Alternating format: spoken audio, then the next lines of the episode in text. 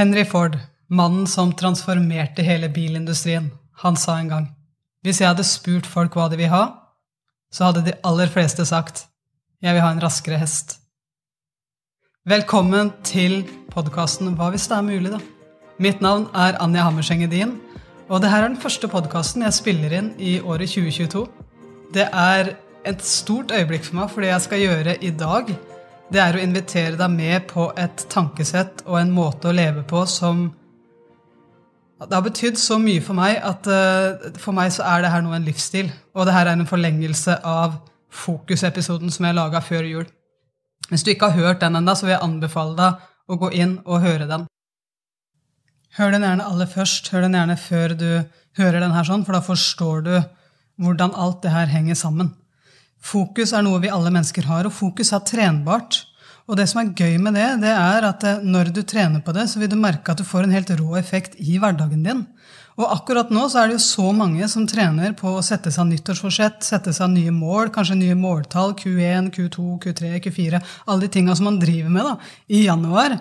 Og jeg har lyst til å tappe litt inn i den tankegangen der, for hva hvis det er mulig og også fokusere på tilstand. Vi er så enormt rå i vårt samfunn på å fokusere på tiltak. Vi er så gode på strategidokumenter, vi er så gode på handlingsplaner og sette oss mål. Og mål, hva er egentlig det, da? Du som har hørt på Fokus-podkasten, du vet det at vi mennesker vi lever i minst to parallelle verdener. En fysisk, her vi er med kroppen vår, og en mental. Sant? Der fokuset vårt vandrer. Litt opp fra den fysiske verden og opp til det mentale, der den vandrer og beveger seg litt som en sånn vindusvisker. Fra fremtid til fortid, fremtid til framtid. Litt sånn, sånn pingpongkamp, egentlig. Og akkurat i den perioden vi er inne i nå, så forholder vi oss enormt mye til fremtiden. Er du enig? Når vi setter oss mål, så er det ofte fordi det er noe som skal være attraktivt en gang i fremtiden. Det jeg er veldig opptatt av, det er å også ha det bra allerede nå. For det vi veldig ofte gjør i januar eller før en sesong, eller før vi skal sette oss et eller annet mål med en coach eller en PT, eller bare for oss sjøl, så, så, setter vi oss et mål basert på kanskje smart-metoden eller noe à la det, som er eh, veldig attraktivt i vårt samfunn. Men vi setter det basert på et fremtidsbilde som virker attraktivt. Det er noe vi har lyst til å oppnå noe som ikke er der ennå. Og jeg skjønner at det er hele poenget med en målsetning. det er at jeg har det ikke ennå. Og akkurat nå så er det et gap mellom der jeg er og der jeg ønsker å være. Det skjønner jeg. Men det jeg tror vi glemmer, det er den tilstanden det faktisk setter meg inn i. For ja, det føles helt fantastisk å sette meg mål. Det føles helt fantastisk når vi driver med de der nydelige visualiseringene som vi driver med. Når du virkelig kan se for deg hvordan det ser ut i ditt liv når du har nådd det målet, når du går igjen over den der målstreken, når du har klart det du har kjempa for å klare. Du kjenner i alle celler i kroppen hvordan det føles ut når det skjer. Utfordringen da, det er nettopp det at det er et mål som er i framtida, og framtida er fri fantasi. Så det jeg har lyst til å rette litt fokus på, det er tilstand. Hvordan kan jeg sikre at jeg har det bra allerede før målet er nådd? For da vil det være en ekstraordinær opplevelse å nå det målet. For da er det ikke målet i seg sjøl som skal gjøre deg lykkelig. For den har du allerede. Så vær veldig oppmerksom nå når du setter deg mål. Hva slags tilstand setter det deg inn i? Setter det deg inn i en tilstand der du føler at du mangler noe i livet ditt allerede nå? Fordi at det er det målet som skal bli attraktivt? Eller setter det deg inn i en tilstand av at wow, jeg er takknemlig. Jeg har alle de her ressursene i meg. Jeg har kikka tilbake i tid. Jeg har dratt fokuset mitt bevisst opp i min mentale verden. Bam! Kikka på historien min. Jeg har skjønt hvor jeg var. Jeg har sett hvor jeg er akkurat nå. Og jeg vet at den jobben jeg har gjort i fortida mi, det har ført meg hit. Og det er jeg takknemlig for, på godt og vondt. Sant? Jeg vet at jeg har hatt masse ting som er bra. Jeg har hatt mange ting som ikke har vært fullt så bra, og de har jeg lært av. Og det har gitt meg styrke til å ta nye og bedre valg akkurat nå, og det er jeg takknemlig for. Og derfor så er jeg i en tilstand nå av takknemlighet, av kjærlighet osv. Men tilstand er også mye mer enn bare målsetning. Jeg skal jobbe mer med målsetning seinere. Av og til så forsøker vi mennesker å pushe frem ting vi forsøker å finne løsninger på ting når vi er i en stressa situasjon. Og det som er veldig spennende med kroppen vår, det er at vi har et hjerte, vi har en hjerne, og vi har, altså det her påvirker hverandre hele tiden. Og vi har et system som gjør at vi av og til sprøyter ut hormoner som er bra for deg, og av og til hormoner som stresser deg opp sånn at det rett og slett blir litt tåkete oppi der. Og det som er interessant, da, det er at eh, det fins noen tilstander du kan tappe inn i som gjør at eh, du bare er helt til stede akkurat her, akkurat nå. Uansett hva som skjer rundt deg. Og det betyr jo at du har en evne til å hente fram noen ressurser inni deg som du ikke har når du er stressa, når du sitter febrilsk og leiter etter svaret. I det øyeblikket du klarer å gå kjapt inn i deep work, da, når du klarer å gå kjapt inn i dine egne ressurser, og du ikke lar deg forstyrre av alt mulig som skjer rundt, så klarer du å få gjort mer på kortere tid. Da klarer du å tenke klarere uten at det er tåkelagt. Og det er ganske deilig. Det er en fantastisk gave å gi deg sjøl. Altså, Michael Jordan han er en av de råeste NBA-spillerne basketballspillerne gjennom tidene. Han og Kobe Bryant. De hadde en felles trener på Fokus. Han heter George Mumford. Jeg har vært veldig heldig, jeg har fått lov å følge George Mumford. Eller jeg har egentlig stalka han, sånn i all ærlighet mellom oss to. Ikke si det til noen. Men jeg syns at hans sine læringer er helt fantastiske. Jeg har vært med på en del av hans sine livesendinger og fått lov til virkelig å forstå hvordan han har jobba med de store utøverne. Til deg som er interessert, så vil jeg anbefale deg The Mindful Athlete-kurset. Og I det kurset så holder han en del livesendinger. Så det var en snikreklame som egentlig ikke var meninga å legge inn der, men han gjør det. Og der lærer han hvordan han lærte Michael Jordan, Kobe Bryant å komme inn i det som kalles sona. Og det her er jo kjempeattraktivt for idrettsutøvere, men det er også ekstremt attraktivt for privatpersoner, for næringslivet, for skoleelever, for foreldre, for alt. Michael Jordan han kalte det her som for Eye of the Hurricane. Altså øyet i orkanen. Du vet, alle mennesker har det stille punktet, sier han. Det stille punktet der uansett hva som skjer rundt meg, så har jeg et stille punkt inni meg, akkurat som øyet på orkanen. Det er helt stille der. Det er kaos rundt. Men i øyet på orkanen så er det alltid helt stille. Kan du se for deg det? Hvis du ser for deg et bilde av en orkan, så vil du se at det er et sånt punkt i midten der hvor ikke det skjer noen ting. Det har alle mennesker inni seg, det har du inni deg. Men du trenger å vite hvordan du kan tappe inn i det. Og det kan du gjøre bl.a. med noe som heter hjernebølgeaktivitet. Ja, jeg vet det er et kjempelangt og rart ord. Og, det er, eh, det er i all ærlighet, jo, det er nerdete. Det er veldig nerdete, og i dag skal vi nerde litt. Og jeg hinta litt om det i fokusepisoden eh, tidligere, at jeg tror det er lurt for oss mennesker å kunne litt om hjernebølgeaktivitet. Go slow, baby. Og sannheten er det at eh, vi har enorme mengder av elektriske signaler i hjernen vår. Og jeg må bare helt ærlig starte med å si at jeg er ingen hjerneforsker. Og for meg så er det ikke Det er ikke viktig egentlig hva alle disse hjernebølgene kalles og hvilken hertz de er i, og sånn, men det skal jeg fortelle deg. Men det som er viktig, det er effekten vi får når vi trener på det. Effekten vi får når vi lever det. Og hvordan vi kan tappe inn i de ulike tilstandene, sånn at vi får gjort de tingene vi drømmer om. Se for deg da, hvis du sitter rundt et bord på jobben din, og målet er å finne nye strategiplaner for året som skal komme. Eller kanskje har dere vært gjennom en koronaperiode hvor dere må også tenke litt nytt og annerledes. Kanskje finne nye og bedre løsninger på allerede eksisterende ting. Hvis du ikke vet da hvordan du kan tappe inn i din egen kreativitet, så vil du føle at du sitter der og stanger i bordet. Og det er jo en forholdsvis ineffektiv måte egentlig å jobbe på. Så det jeg drømmer om i dag, det er ved å kunne fortelle deg enkelt, som om jeg prater til en fireåring, hva hjernebølgeaktivitet er, hvorfor det betyr noe i ditt liv, og så kommer jeg også til å tappe inn i mine egne historier, sånn at du kan forstå hvordan jeg bruker det.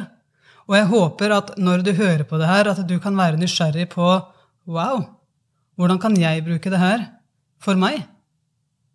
Hva hvis det er mulig at du kan bruke din egen tilstand til å bli enda mer effektiv? Hva hvis det er mulig at du kan bruke din egen tilstand til å bli enda mer til stede for dine aller, aller nærmeste? Hva hvis det er mulig at du kan faktisk vite hvordan du kan bli mer kreativ. Hvordan du kan klare å finne sammenhenger på ting. Det kan du når du forstår hvordan du fungerer som menneske. Jeg kan helt ærlig ikke forstå hvorfor ikke vi lærer det her. Jeg kan ikke forstå hvorfor det her er en sånn taus kunnskap. Hvorfor ikke vi trener på det her. For det er veldig stor forskjell mellom å bare lære det og forstå det, og det å faktisk tappe inn i det i livet. Da. Og jeg tror det at du som meg, når du først lærer det her, så tror jeg ikke det er noen vei tilbake. Jeg har sagt det før, men jeg tror virkelig at det, det her er såpass transformerende at du kommer til å bruke det sånn umiddelbart i ditt liv. Det er i hvert fall mitt mål, og jeg håper virkelig at du kjenner på det samme når jeg er ferdig her. Så hva er hjernebølger? Enkelt forklart så er hjernebølger elektriske impulser. Vi har masse elektriske signaler i hjernen hele tida. Disse hjernebølgene de beveger seg rundt i hjernen din på det som vi kaller for hertz. Altså Det betyr sykluser per sekund. Så det begynner bakerst i hodet ditt, sånn bakhodet. Hvis du bare tar pekefingeren din nå bak i bakhodet ditt, og så beveger det seg fram, og så tilbake igjen.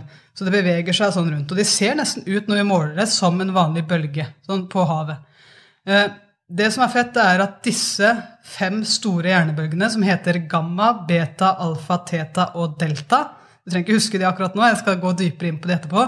De beveger seg rundt oppi hodet ditt med ulik hastighet. Det er litt som når du kjører bil. Der vil du se at eh, hvis du kjører, så vil du se veldig godt speedometeret på bilen. Du vil se hvor fort bilen din kjører, og ut ifra hvor fort bilen din kjører, så vil du kunne, kunne få ulike fordeler og ulemper. Sant? Hvis du kjører kjempefort i en sving, så er det en ganske stor ulempe. Hvis du kjører kjempefort, så kan det være en fordel, fordi da kommer du raskere fram til dit du skal, hvis det er en rett vei. Så det å kjøre fort, det å vite hvilken hastighet du trenger når, når du kjører bil, det er jo viktig. Det er det samme med hjernebølgeaktiviteten din. Det å vite hvilken hastighet du trenger til de ulike oppgavene du skal løse i din hverdag, det er nyttig. Det er kjempenyttig. Og For meg så har det vært helt transformerende. Så jeg har lyst til å forklare deg hvordan Gro og jeg bruker det her sånn i vår hverdag når vi skal lage prosjekter sammen. Jeg har lyst til å forklare deg hvordan Kobe Bryant, den beste basketballspilleren gjennom tidene, kanskje ved siden av Michael Jordan, har brukt det her sånn for å sette seg korrekte målsetninger. Og Einstein brukte det, Edison brukte det. Det er enormt mange mennesker som har skjønt det her sånn. Og jeg var nysgjerrig på hva er det de har gjort, sånn at jeg kan bruke det samme. Og det er derfor jeg nå brenner for å gi det videre til deg. Du skal få de historiene nå når vi jobber med hjernebølgeaktiviteten. Men først har jeg lyst til å starte med beta. Beta-hjernebølgeaktiviteten din, den, når den er den mest dominante hjernebølgen i din hjerne, så høres den sånn her ut. Den beveger seg rundt hjernen din på en hastighet fra 13 til 38 hertz. Og det er den vanlige tilstanden til oss mennesker. Det er her vi er våkne. Det er her vi løser oppgaver. Det er her vi snakker til hverandre. Det er her vi opplever stress. Sant? Det kjenner vi igjen. Det her er betaen. Det her er den mest vanlige tilstanden. Og de som ikke vet at det fins flere tilstander de, altså de, fleste vet det, for vi er der hele tida, men det er ikke alle som vet at du kan tappe inn i det bevisst. De prøver å løse ting i beta, og som du hører, det går ganske fort oppi her.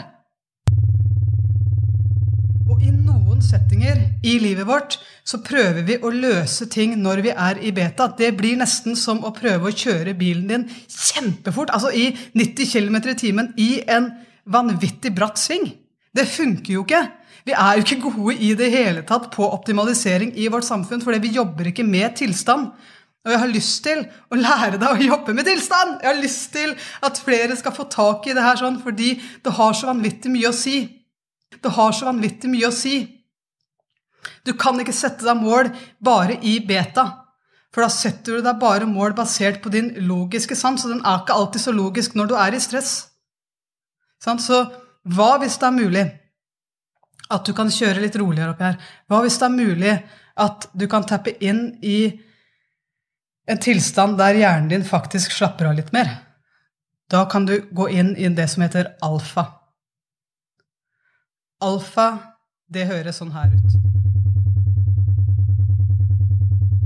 Det beveger seg rundt i hjernen din på sykluser fra 8 til 13 hertz. Det er her du kjenner på ro. Det er her du kjenner på kreativitet. Det er her du faktisk òg kan lære enda bedre. Det er her du ofte kommer inn i inn i flowen, faktisk. Der du kjenner at alt det vanlige stresset det blir litt eliminert bort fra deg.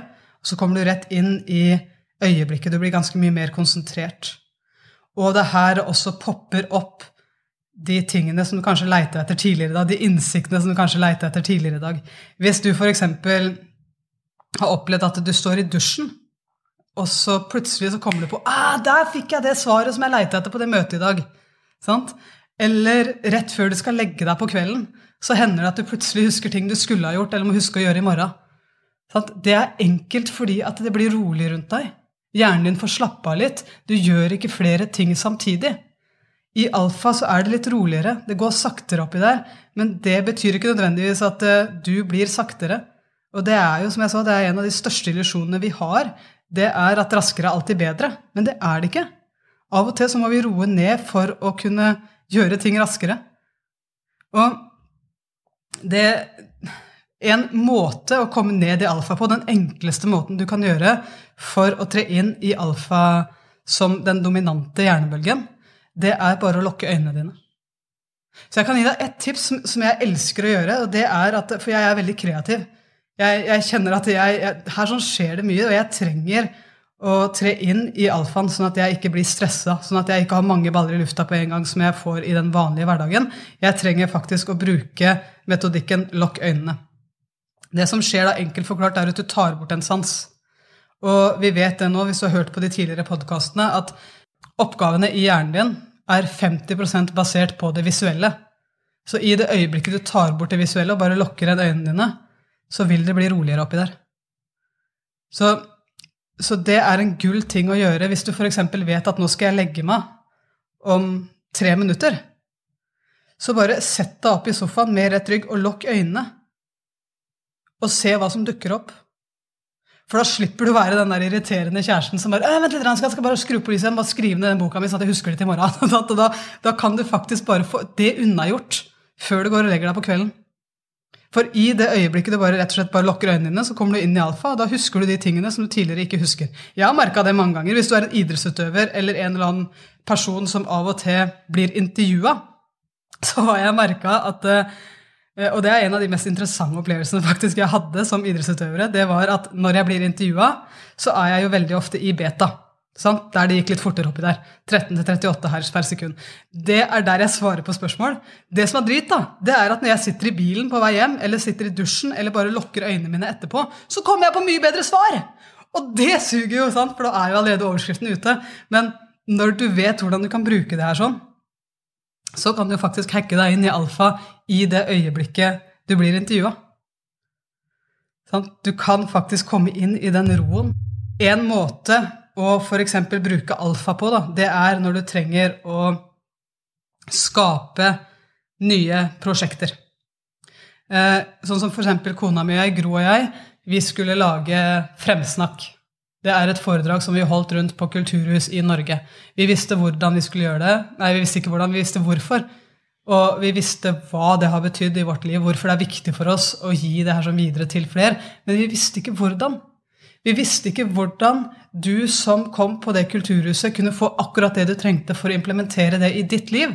Så vi måtte strukturere opp det her. Vi måtte få med kun det relevante innholdet, så ikke vi lasser på med masse ting du ikke trenger. Og hva er mest relevant? Hva ønsker jeg at du som kommer på det kulturhuset, skal kunne ha med deg ut igjen da, som verktøy i din hverdag? Det trengte vi å løse. Det var vår oppgave. Men vi visste begge to at vi kan ikke løse det her i beta. Vi kan ikke løse det her sånn i den vanlige tilstanden vår. Vi må endre tilstand. Og jeg bruker jo meditasjon, eh, lukk øynene. Det er en kjempeenkel metode for meg for å rett og slett komme inn i alfa. Men det fins også muligheter for deg som liker å være litt mer i bevegelse. Og med Gro så trenger jeg å gjøre ting som er litt mer i bevegelse, for hun er ikke enda så gira på meditasjon. Så for meg så, så ble det viktig da å hjelpe både henne og meg inn i en, i en tilstand av alfa, for å, rett og slett for å få, få innsiktene, for å få kreativiteten, for å få svarene som vi søker. Og det gjorde vi da med aerob trening. Aerob trening det gjør at vi øker pulsen litt. Sant? Men vi får ikke melkesyre og sånn. Men i det øyeblikket du bare øker pulsen litt, så setter hjernen din i gang med det kreative spillet sitt. Og det er ganske fett. Så det vi gjorde, det var at uh, vi gikk inn i treningsrommet, og så begynte vi å trene. Og så hadde vi med en sånn, sånn stor whiteboard som gjorde at i det øyeblikket svarene dukka opp, så bare gikk vi og så skrev vi svarene på. Så fortsatte vi med treninga. Unnskyld. Og det, det, her, det er det, det, er det mange mener da, når de sier at ja, men jeg mediterer ja, når jeg er ute og går tur, eller jeg mediterer når jeg er ute og løper. Ja, du gjør det. Det, er, en, det er i hvert fall en tilstand som kan virke meditativ fordi du kommer ned i alfa. Og det er det du gjør når du mediterer. Og det er jo kjempespennende. Så det som også er spennende med hjernen, det er at eh, i det øyeblikket du stiller hjernen din et spørsmål, så vil den febrilsk begynne å lete etter svaret.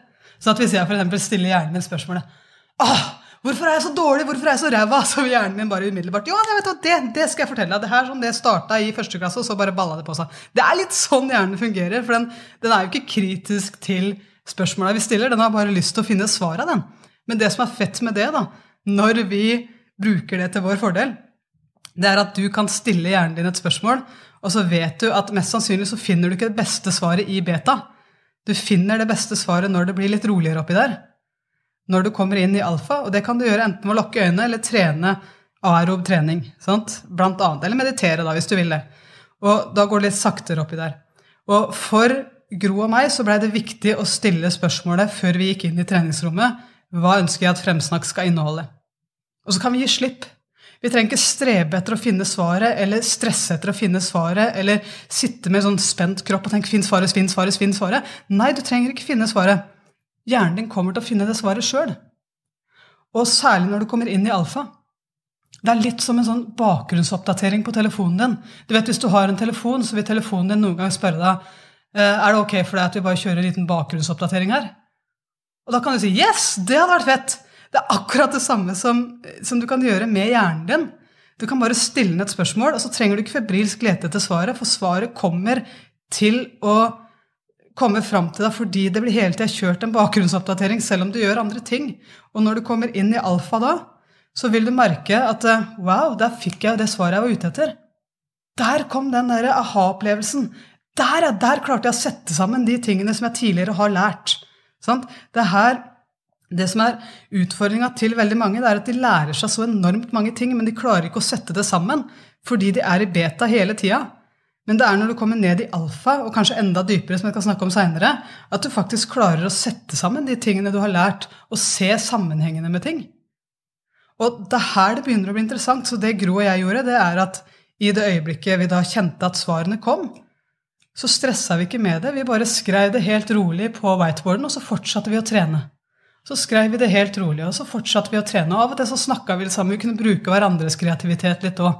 Kunne bli bedre sammen. Så fortsatte vi å trene. Så da kan du si ja, men det var en veldig ineffektiv treningsøkt. Ja, men av og til så, så må du liksom gjøre deg opp en mening på hvorfor gjør jeg de tingene jeg gjør. Og jeg fikk utbytte av treninga òg, men for meg så var det viktigste utbyttet av den treninga det var å bruke treninga som et verktøy for å bli kreativ til å finne svar på framsnakk. Og det er her jeg tror veldig mange i næringslivet har muligheten til å skape enda råere ideer, eller til å hjelpe de ansatte med å få brukt enda mer av det potensialet de har inni seg. Eller elever til å faktisk, hvis du er en student eller en elev, hvis du har lyst til å sette sammen de tingene du har lært, så av og til så må du faktisk gi slipp. Av og til så må du faktisk bare legge det bort, for du kan stole på hjernen din. Den bakgrunnsoppdateringa, den skjer. Legg det bort. Gi slipp. Og vit det at du kan faktisk enten bare lukke øynene dine, så er det mulig at det etter et par minutter faktisk dukker opp Kanskje, Jeg pleier å gjøre her, den øvelsen her på ti minutter, fordi at veldig ofte når jeg lukker, lukker øynene mine, så tar det litt tid før kroppen lander, og så kommer jeg først inn i dagens to do-liste. Det må jeg huske, det må jeg huske, det må jeg huske. Men så, etter et par-tre minutter, så begynner jeg å sette sammen ting. Og det er sånn du kan gjøre òg. Og det er sånn veldig mange store tenkere har gjort gjennom historien, egentlig. Og jeg har jo blitt inspirert av det. Det er derfor jeg gjør mye av det sjøl. Og så har jeg fått lov å oppleve virkelig effekten av det her. Det er helt rå effekter. Eh, Albert Einstein er en av de som vi kan velge å la oss inspirere av. Han hadde jo mirakelåret sitt i 1905, hvor han kom med de fire store, med bl.a. masseenergiloven, som, som var ganske heftig, eh, og som har transformert verden på så mange måter. Men det han sier, det er Jeg kom på det når jeg var ute og sykla. Så han jobba altså med alfa i aerobt trening. Og han var ute og sykla. Det viser seg også at han gikk vanvittig mange lange gåturer hver eneste dag.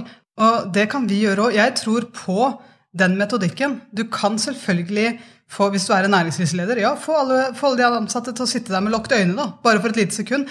Eller vær i bevegelse. La de, altså, gi slipp. Vi har nå heldigvis fått lov å oppleve litt hjemmekontor, og der er det mange som har brukt det her sånn som verktøy. At de har hatt gående møter. Og hvis du virkelig har lyst til å å kjenne på effekten av det her, så er det greit å ha gående møter. Fordi da, når du er i bevegelse, så blir ofte også samtalen i bevegelse. Temaet ditt kommer også til å være i bevegelse, fordi du tapper inn i en tilstand som du ikke gjør når du sitter helt stille med åpne øyne. Så jeg anbefaler deg å gå inn og teste ut det her. sånn, Kjenn på det. Betyr, altså, hva betyr det her for deg? Uh, alfa, det høres sånn her ut.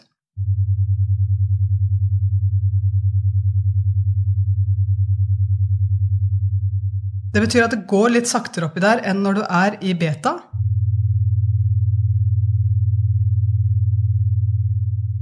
Men det er også mulig å bruke neste nivå, altså enda dypere enn alfa igjen. Da kommer vi ned i noe som heter teta. Det høres sånn her ut.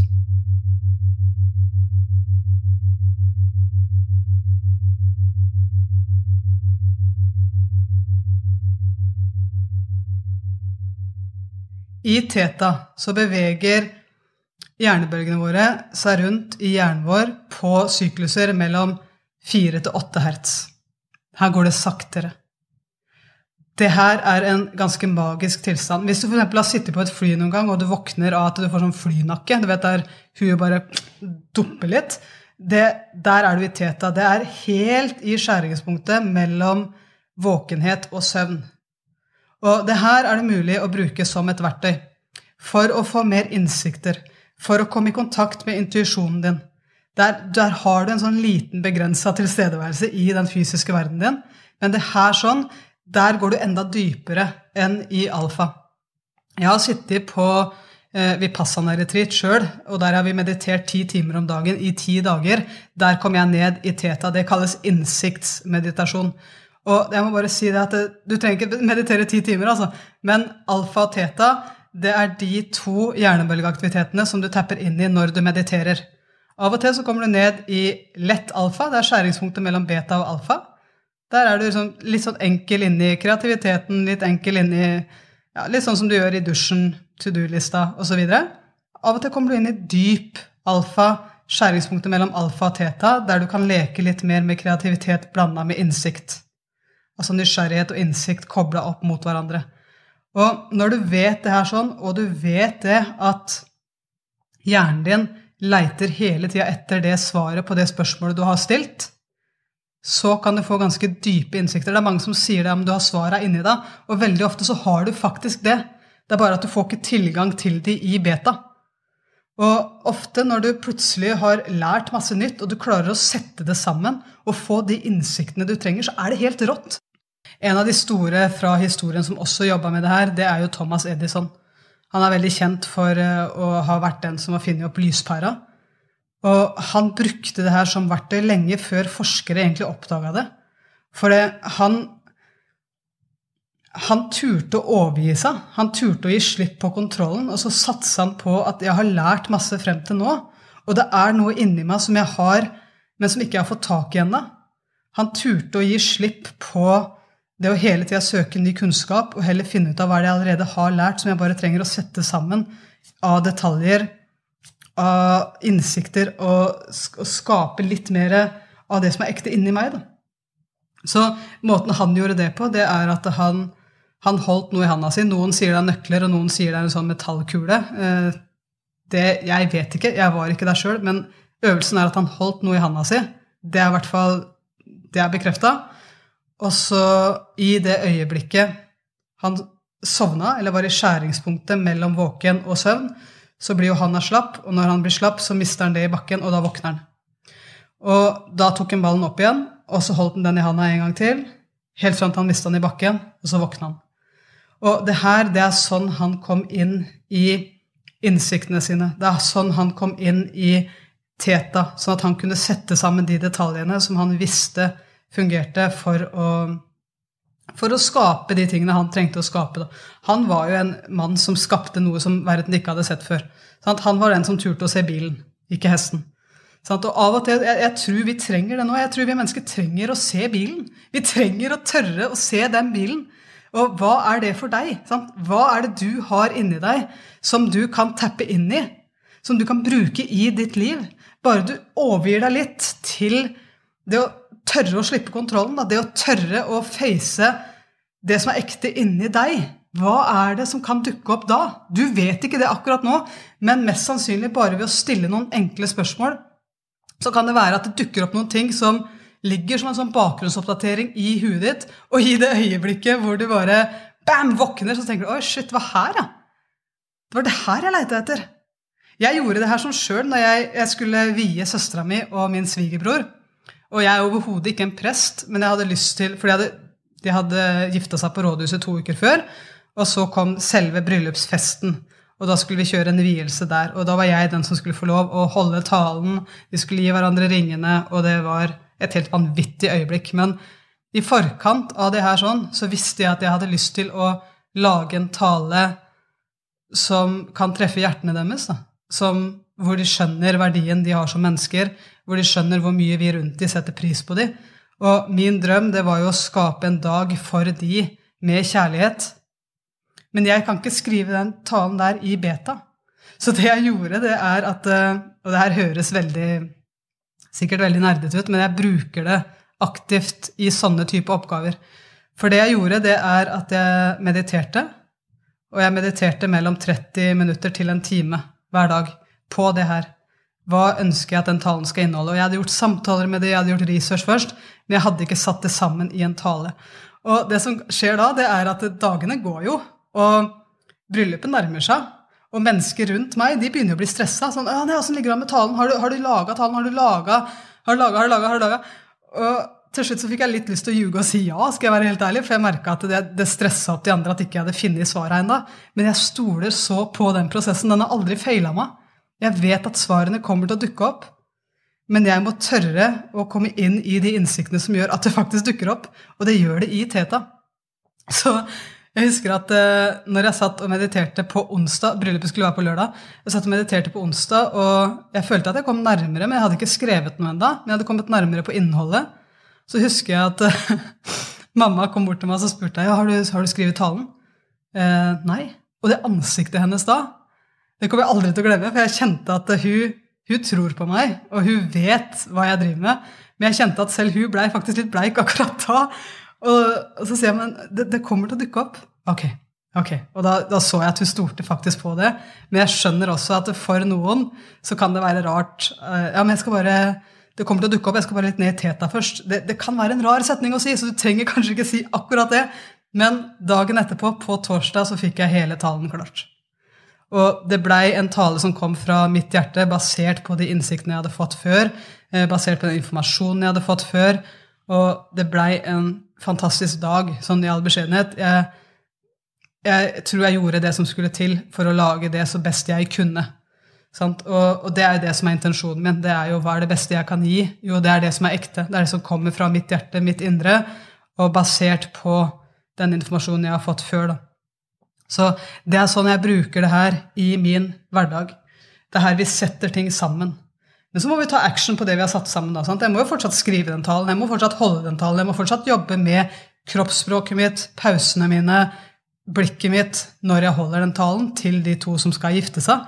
Men, så, så, det er fortsatt en jobb som gjenstår. Men det at jeg faktisk har fått det viktige på plass, det var viktig for meg. Det gjorde jeg da i meditasjonene mine. Sant? Og når du mediterer, så kommer du inn i alfa og teta. Det er, der, det er som ofte der vi kommer inn. Vi har også en fin hjernebølge som, eh, som, heter delta. Den skal jeg ikke prate så mye om i dag, for det, det er litt gøy. For den heter delta. Den høres sånn her ut.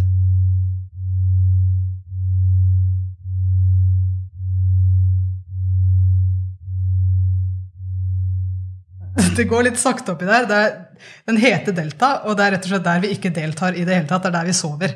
Eh, og søvn det skal jeg ta seinere. Det tar vi ikke akkurat nå.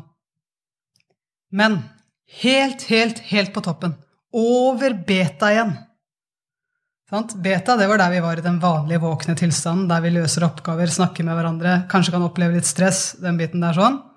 Over beta igjen så er det en hjernebølge som heter gamma.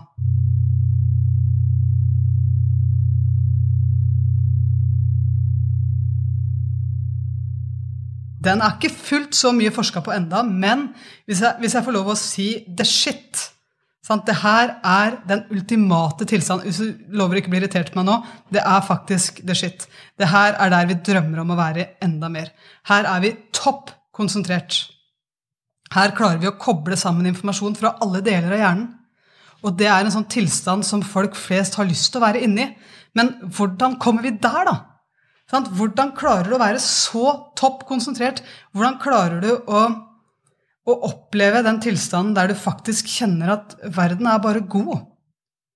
Der du kjenner at det er lett å navigere i hele verden, fordi at jeg er i en sånn derre enorm wow-tilstand. Nesten i sånn euforisk. Det er helt vanskelig å sette ord på det. Du har vært der, jeg har vært der. Vi har alle sammen vært innom alle de hjernebølgene her sånn. Og vi er der hver eneste dag inni. Men hvordan kan vi oppleve mer av gamma? Der vi virkelig kjenner at nå er jeg på det optimale av min kapasitet som menneske. da.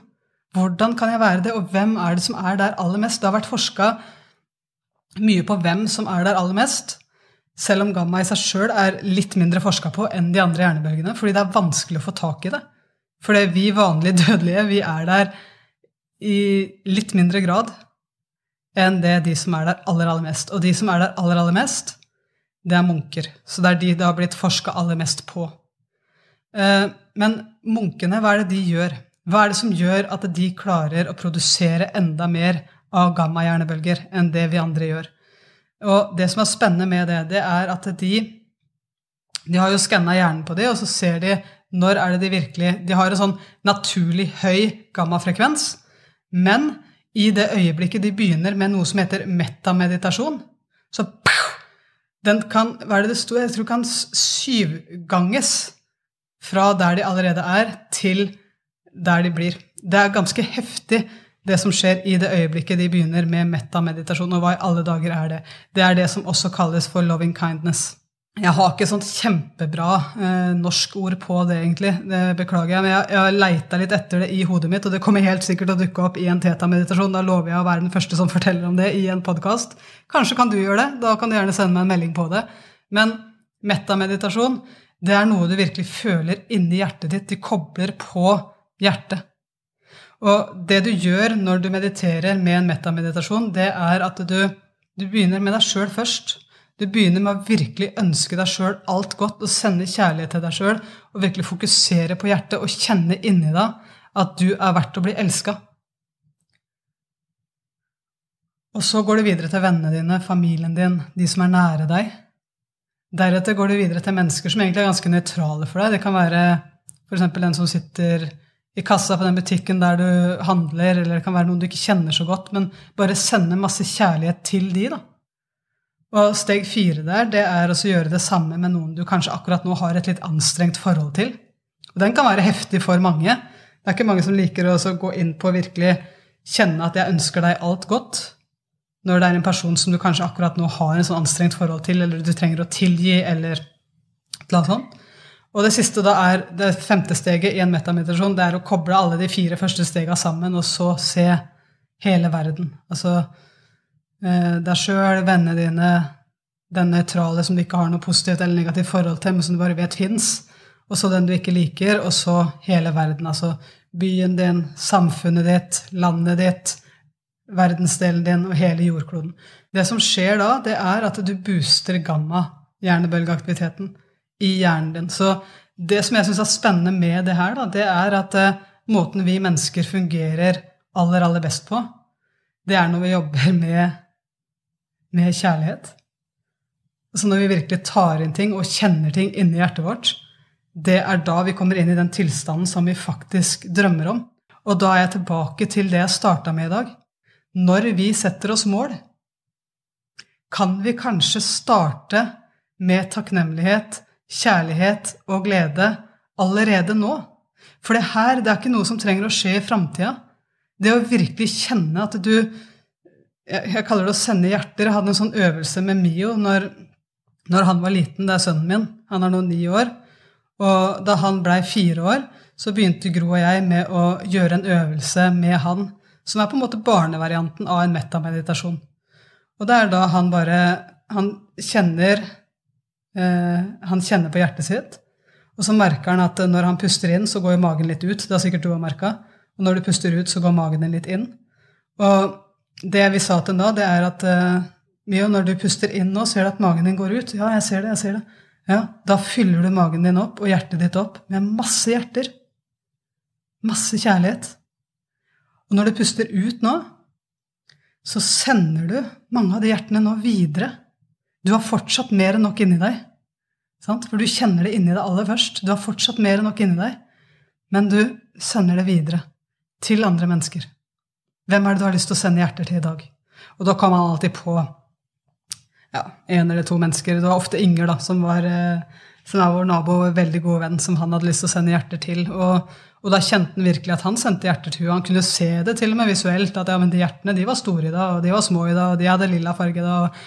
Så det er mulig å virkelig leke med det her. Eh, det her er ikke noe som du må gjøre korrekt. Vi leker med det. Vi, vi kjenner bare at det her er noe som gjør en vanvittig forskjell i vårt liv. Og det er det jeg har lyst til å bringe videre. For jeg drømmer om at du skal sette deg mål, men jeg drømmer også om at du skal ha det bra allerede før du når det målet. Så det her har vært en nerdete session, det vet jeg, men husk det at du, du har alle muligheter. Du har et vanvittig potensial inni deg. Og selv om vi i dag lever i en verden der veldig mange mener at vi må gjøre veldig mange ting samtidig. Og vi driver og leker med ordet multitasking. Det er akkurat som vi driver og ransaker alle sånne her eh, forskningsinstitutt for hva er det jeg kan finne som beviser at jeg kan multitaske? og så er det en eller som har funnet en eller annen rapport på ett menneske som det her har funka på. Så bam, ja, det er det jeg sier. Jeg er det en av de veldig få som kan multitaske. Nei, du er ikke det! Du er faktisk ikke det. Multitasking gjør hjernen din sliten. For det du egentlig gjør, det er å hoppe veldig kjapt fra en oppgave til en annen. Du er i beta. Det er litt sånn der, det er stress. Det er litt hamsterhjul her. Og veldig ofte så er det sånn det starter også med meditasjon. Mange begynner å trene i ti minutter om dagen, f.eks. for eksempel, da. Og så går de rett over på vanvittig multitasking, og så er det sånn Nei, det er meditasjonsgreiene, det funker ikke. Nei. Ikke sant? Det, det, er litt som å løpe på mølla samtidig som du røyker. Det, det, er litt sånn for å sette et bilde på det. Du, du trenger å faktisk gjøre det her sånn til en livsstil og, og, trene på, litt sånn som jeg sa i Fokus, eh, Fokuspodkasten, tren på å gjøre én ting av gangen. Hva hvis det er mulig, da? Hvis du trenger beviset på det her, så kan du akkurat nå, hvis du har eh, fingrene dine i orden, så kan du fokusere på Altså plasser akkurat nå fokuset ditt på pekefingrene dine. Begge to samtidig.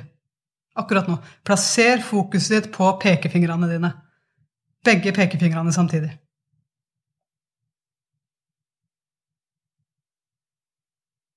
Ganske fort så vil du nå merke at fokuset endrer seg lynraskt fra den ene pekefingeren og tilbake til den andre. Har du merka det? Det er nesten som å se på en tenniskamp. Fokuset bare venstre, høyre, venstre, høyre, venstre, høyre. Fokuser på begge fingrene dine samtidig.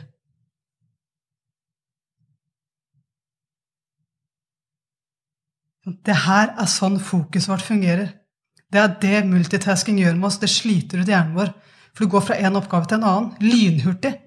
Det kan føles ut som om du faktisk plasserer fokuset ditt der og klarer å holde fokuset på begge fingrene samtidig. Men sannheten er den at fokuset beveger seg lynhurtig fra den ene til den andre. Og det er sånn det er med de som multitasker òg. Så jeg vil anbefale deg, før du setter deg mål for 2022, tenk litt med nysgjerrighet på om det er lurere for deg å leite etter bilen enn hesten. Tenk litt om det er lurt for deg å komme inn i nysgjerrigheten og innsikten, sånn som Kobe Bryant gjorde, sånn at du faktisk vet at det målet du setter deg, det er det som kan gjøre deg til det mennesket som du har lyst til å være. Det kan gi deg den fordelen du har lyst til å få. Og kjenn det at det, det målet i seg sjøl, hvis det er det du skal sette deg, så er det ikke det nødvendigvis som skal gjøre deg lykkelig. Sant? Kobe Bryant han trente vanvittig mye meditasjon, mindfulness. Han var ekstremt opptatt av å anerkjenne menneskene rundt seg. Han var ekstremt opptatt av de tingene her, for han var opptatt av å være det mennesket han var stolt av å være, før de måla skulle gjøre han til noe som han var stolt av å ha av å ha oppnådd. Altså, hva er det her for deg? Hva er det du trenger å allerede nå lage mer plass for i livet ditt, sånn at du kan leve smart og ikke stressfullt? da? Hvordan kan du trene smart og ikke hardt? Hvordan kan du jobbe smart og ikke hardt? Er det mulighet til å jobbe smart og ikke mer?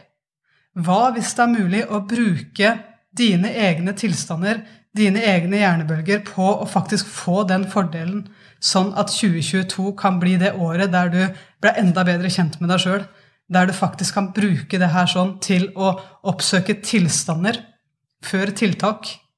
Og så ja, det er fett å ha tiltaka òg, men hva hvis det er mulig at du faktisk ved å bruke nysgjerrighet og innsikt kan ta noen actions som får deg enda mer i tråd med det som er ekte inni deg? Jeg håper det her har vært spennende for deg. Og jeg må bare si at jeg lever det her. Jeg syns det er kjempespennende sjøl.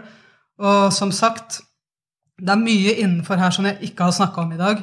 Det er mye vi kan bruke som, eh, som vi enda ikke har dypdykka inn i. Og det fins også selvfølgelig negative ting i hver hjernebølge som jeg ikke har valgt å ta med i dag. Eh, det er at du kan f.eks. være nede i alfa og være litt sånn apatisk liggende på telefonen din og scrolle på Instagram.